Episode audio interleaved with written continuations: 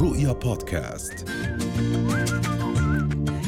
صباح الخير مرة جديدة. مكملين للحديث عن رحلة الانتظار ونصائح مهمة للنساء بين انتظار إرجاع الأجنة ولحظة تحليل الحمل. معنا دكتور محمد الزير وهو استشاري الخصوبة وتقنيات المساعدة على الإنجاب. صباح الخير دكتور. صباح الغد أهلا وسهلا. أهلاً. إيه، بالبداية وقبل أن نتحدث عن عملية إرجاع الأجنة خلينا نتحدث كيف اليوم تم هذا هذه العملية بشكل عام وبشكل مختصر. طيب هو أول شيء صباح الخير وشكرا لكم. عملية أطفال الانابيب ببساطة بشكل سريع هو فترة بيتم فيها تحضير الست للأسف هو بيكون الضغط على الست أكثر بغض النظر كيف البرنامج بيكون. بصير تحضير الست حتى نستخلص منها البويضات ويتم حقن هاي البويضات في المختبر بالحيوانات المنويه وتتكون أجنة. عملية التحضير هذه اللي غالبا كل الستات عندهم كثير أفكار عنها. هو برنامج إلى حد ما إلى حد ما فيه جزء من الثبات وفيه جزء متغير. بالتأكيد بتأخذ هرمونات. طبعا مش مثل ما بنسمع مدة الهرمونات أشهر. هي مدتها أيام بسيطة تسعة أو عشر أيام. وبتم اختيار جرعة بحيث إنه نحصل على عدد معين من بويضاتها بدون ما يسبب لها أي تأثيرات أو أضرار عليها. فهو إجراء ما بدنا نحكي إنه هو كثير بسيط لكنه بالغالب عديم المضاعفات أو قليل المضاعفات وما بتطلب منها تغيير في نمط حياتها بشكل عام. نعم. واذا بعدين بتم آه، أخذ هذه البويضات بالتأكيد. لحد ما تصير جاهزة لعملية إرجاعها إلى السيدة أو الأم. وبتتم هاي البويضات بعد ما يتم حقنها بالحيوانات المنوية تترك في المختبر لفترة معينة. بعدين بيتم اختيار الجنين ومن ثم عملية الإرجاع إلى رحمها. تمام. إذا بدنا نحكي عن عملية الإرجاع كيف آه، كيف؟ عملية الإرجاع جدا إجراء بسيط جدا جدا قسطرة بلاستيكية بسيطة تحت نظر الألتراساوند بنكون شايفين.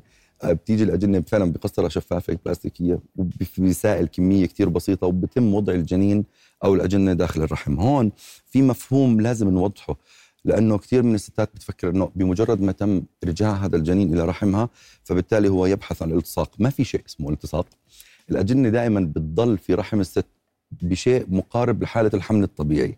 بتضل تتحرك تمشي أو بتسبح حتى في التجويف الرحمي لمدة يومين أو ثلاث أيام حتى يتم إنه تعشيش الجنين في بطانة الرحم ومن ثم حدوث الحمل واستمراره. نعم. وهذا مبدئيا آه، نتحدث عن تقريبا قديش المدة؟ أسبوع أسبوعين؟ من ال من, الت- أول إرجاع ال- من إرجاع الأجنة يفترض إنه يبلش إذا صار حمل. يعني الجنين آه، بعد إرجاعه للرحم بيضل ثلاثة أو أربعة أيام يتح- يتحرك أو يسويمنج وبعدين بتبلش عملية تشيش بتظهر علامات الحمل الأولى تقريبا في اليوم السابع نعم سبعة أيام ست سبع أيام من بعد عملية الإرجاع. تمام وما هي التحاليل اللي يجب أن تقوم فيها تحليل هاي الحمل؟ الفترة آه، الأهم من التحاليل شيء آخر نمط الحياة ما فيش أي شيء إحنا نعرفه. ال- العلامة الوحيدة لحدوث الحمل هي تحليل الحمل اللي بنجري بالدم أو عن طريق بول الست. لكن إذا بدنا نسأل ال- بدنا نترجم السؤال شو التحاليل اللي بتعملها؟ لا شو نمط الحياة اللي تعمله خلال هاي الفترة؟ عندنا كثير إحنا من الأفكار ب- بقلة الحركة بالالتزام بأكل معين أفكار عن مثلا إنه آه، موضوع في ناس بتقول لك آه، ما تستخدم الشاور في كثير من الأحيان. نعم نعم لأنه بيعتبروا إنه الجنين جزء كثير حساس وبالتالي بتأثر باي شيء بينما هو بالعكس آه، قوته في ضعفه. إنه الجنين من كثر ما هو عبارة عن خلايا ووزنها الجزيئي منخفض هي لا تتأثر بالتأثير الميكانيكي فبالتالي ما في أي شيء كثير رجد. حتى بنقولها إنه بعد عملية آه، إرجاع الأجنة بتمارس حياتها بشكل طبيعي حتى ممكن تلعب رياضة. ترجع إلى رياضتها. إذا بتمارس أي نوع من أنواع الرياضة ممكن إنه ترجع لها. نعم. يعني ولكن هل تعتقد دكتور إنه جزء منه بيكون نفسي؟ يعني جزء منه بتكون هي. خاضت أيضا مرحلة خوف. كبيرة جدا فهي خايفة على كل شيء هو بالتأكيد آه، الخوف من الفشل الخوف إنه تلوم نفسها إذا ما صار الحمل تكون قصرت في أي شيء فبالتالي بتروح بتحتمل أقصى الظروف على نفسها. في نعم مقابل إنه بتحكي لك معلش أنا بتحمل هاي الفترة حتى ما أكون أدخل مثلا. ناس بتحكي لك ممكن إنه أتحرك بسهولة وأفكار تانية أو آراء تانية بقول لك لا. فخليني أتحمل الصعب حتى إنه أنا آه، ما أجلد نفسي أو اكون أنا سبب في فشل- هذا الموضوع. بينما هذا الكلام مش صحيح ابدا. بكل مسؤولية آه، الحياة طبيعية تماما بدون أي تغيير. التزام بأدويتها بالمواد اللي إحنا بنعطيها إياها وتعيش حياتها بشكل طبيعي. حتى الستريس هذا يعني له تأثير سلبي عليها. طبعا طبعا. ولكن آه، هناك أيضا تأثير إذا كان في هناك أمراض مزمنة أخرى عند الأم في هذه المرحلة. يؤثر سلبا على هذه العملية. طيب آه، كل حالة آه، أو خلينا نحكي بالحمل بشكل عام هي كل حالة تقاس على نفسها. آم، موضوع الأمراض المزمنة والحمل هو آه، فعلا آه، موضوع كثير مهم. لكن لا يفضل للست إنها تدخل أو تبلش تفكر في موضوع الحمل إلا بعد ضبط المرض المزمن. هو ببساطة إيش تعريف المرض المزمن؟ هو وجود أي تغير في الجسم لمده ببساطة لمدة ست أشهر وأكثر. كثير من هاي الأمراض المزمنة خلينا نعطي مثال السكر. إذا تم ضبطه لفترة فهو الإنسان اللي عنده سكر أو الحامل اللي أو الست اللي بدها تحمل وعندها مثلا سكر إذا كان مضبوط ضمن القراءات الطبيعية سواء كانت على حمية أو باستخدام أدوية أو باستخدام إنسولين فهي في هاي الفترة جاهزة إنها تحمل زيها زي اي حدا ثاني فبالتالي من المهم ضبط أي مرض مزمن بالمعايير والقراءات سواء المخبرية أو السريرية آه، بشكلها النظامي قبل ما تفكر في الحمل حتى نقلل أو نعدم فرصة أي مضاعفات. لأنه في كثير من الأمراض المزمنة تتفاقم أثناء الحمل أو بصير لها تظاهرات شديدة أثناء الحمل إذا ما كانت مضبوطة قبل فترة الحمل. نعم ولكن اليوم الأمراض المزمنة زي ما حضرتك تفضلت ممكن تكون سكري، ممكن يكون ضغط، ممكن تكون غدة درقية. كلى نعم. كلى، ممكن تكون ضعف بالقلب، كل هذه الأمور إذا تم ضبطها قبل هذه العملية ممكن إنه تكون آه، مسيرة الحمل ناجحة، دائما مسيرة طبعا دائما مسيرة الحمل يفترض هو عبارة عن مشروع، فبالتالي بدك تجهز أنت أدواته كاملة. كل ما كان المرض المزمن مضبوط بشكل دقيق ولفترة أطول يعني مش أقل من ستة أشهر طبعا حسب المرض المزمن. طبعا. لكن بالمعدل ست أشهر تقدر الست تدخل على الحمل إلى حد ما زيها زي أي حدا ثاني ما عنده هذا المرض. لكن بتكون المراقبة عليها أدق. آه، طبعاً. خوف إنه الحمل يفاقم الأعراض اللي كانت مضبوطة. صحيح. هل هناك عوامل بيئية تؤثر سلبا على الحمل دكتور؟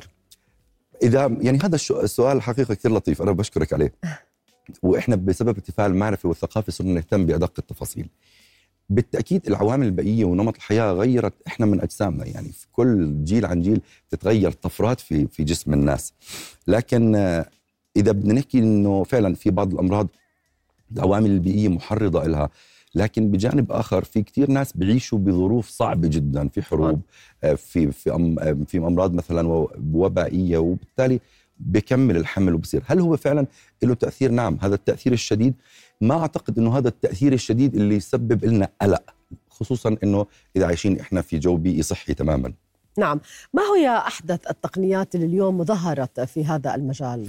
في مجال أطفال الانابيب نعم. شوفي مجال أطفال الانابيب هو في نمط تصاعد لوغاريتمي مرعب. يعني كل يوم عن يوم آه تكتشف أشياء جديدة قد يكون منها على مستوى العمل السريري في شغلنا إحنا كأطباء أو آه، فيما يتم في المختبر من مثلا مواد أو تقنيات جديدة. أعتقد في القريب العاجل اللي أحدث تقنية ممكن تكون كثير بومينج هي موضوع انعدام الحيوانات المنوية. انعدام الحيوانات المنوية اللي هي نسبة أو شريحة بتشكل تقريبا 15% من الناس أو 20% من الناس اللي عندهم عدم إنجاب أو تأخر في الإنجاب. يبدو إنه من هذه النسبة في 10 إلى 15% قريبا مرشحين إنهم إن شاء الله بيحصلوا على أو على أطفال بسبب تقنيات جديدة. طبقت في العالم وقيد التطبيق قريبا إن شاء الله في آه والله يعني أنت عم تحكي عن ثورة علمية ثورة. شوفي بموضوع أطفال الانابيب بدنا نعمل إحنا break even أو أو شيء كثير booming تأخذ فترة طويلة يمكن آخرها كان بالتسعينات في أوائل التسعينات. اللي الآن قيدت مش التجربة. قيد فعلا إنه يصير منتشر أكثر تعتبر من الثورات بكبيرة في مجال الاطفال أكيد الأنابيب. أكيد. آه، هل اليوم ومن خلال يعني مشاهداتك ومن خلال خبرة حضرتك هل اليوم تتح... نتحدث عن تحديات أقل آه، لهذه العملية؟ أصبحت أقل آه، يعني خلينا نقول الريسك فيها بشكل أقل التعامل معها شكل أفضل؟ من أجمل التحديات اللي فعلا قلت وصارت تسهل إحنا شغلنا هو التقبل. تقبل. التقبل الاجتماعي فعلا. صحيح. إحنا صار بالنسبة لنا هذا الموضوع يسهل جزء كبير لأنه الارتفاع الثقافي والمعرفة وقديش كان ببداياته أطفال الانابيب كان يهاجم الآن فكرة التقبل أصبحت كثير سائدة وبالتالي كثير من العوائق عم بتزول. لأنه العوائق الطبية هي مسؤوليتنا بس بضل عند الناس. طبعا. كثير من الأمور اللي بدهم يسيطروا وزي ما حضرتك تفضلت يعني كمان نفسية الأهل والأب والأم بهذا الأمر وتعامل المجتمع معهم أكيد هذا فيه شيء إيجابي. صحيح. سعيدين جدا فيك دكتور محمد الزير وحضرتك استشاري الخصوبة وتقنيات المساعدة على الإنجاب. أهلا وسهلا فيك. شكرا لك. الله يخليك. رؤيا بودكاست.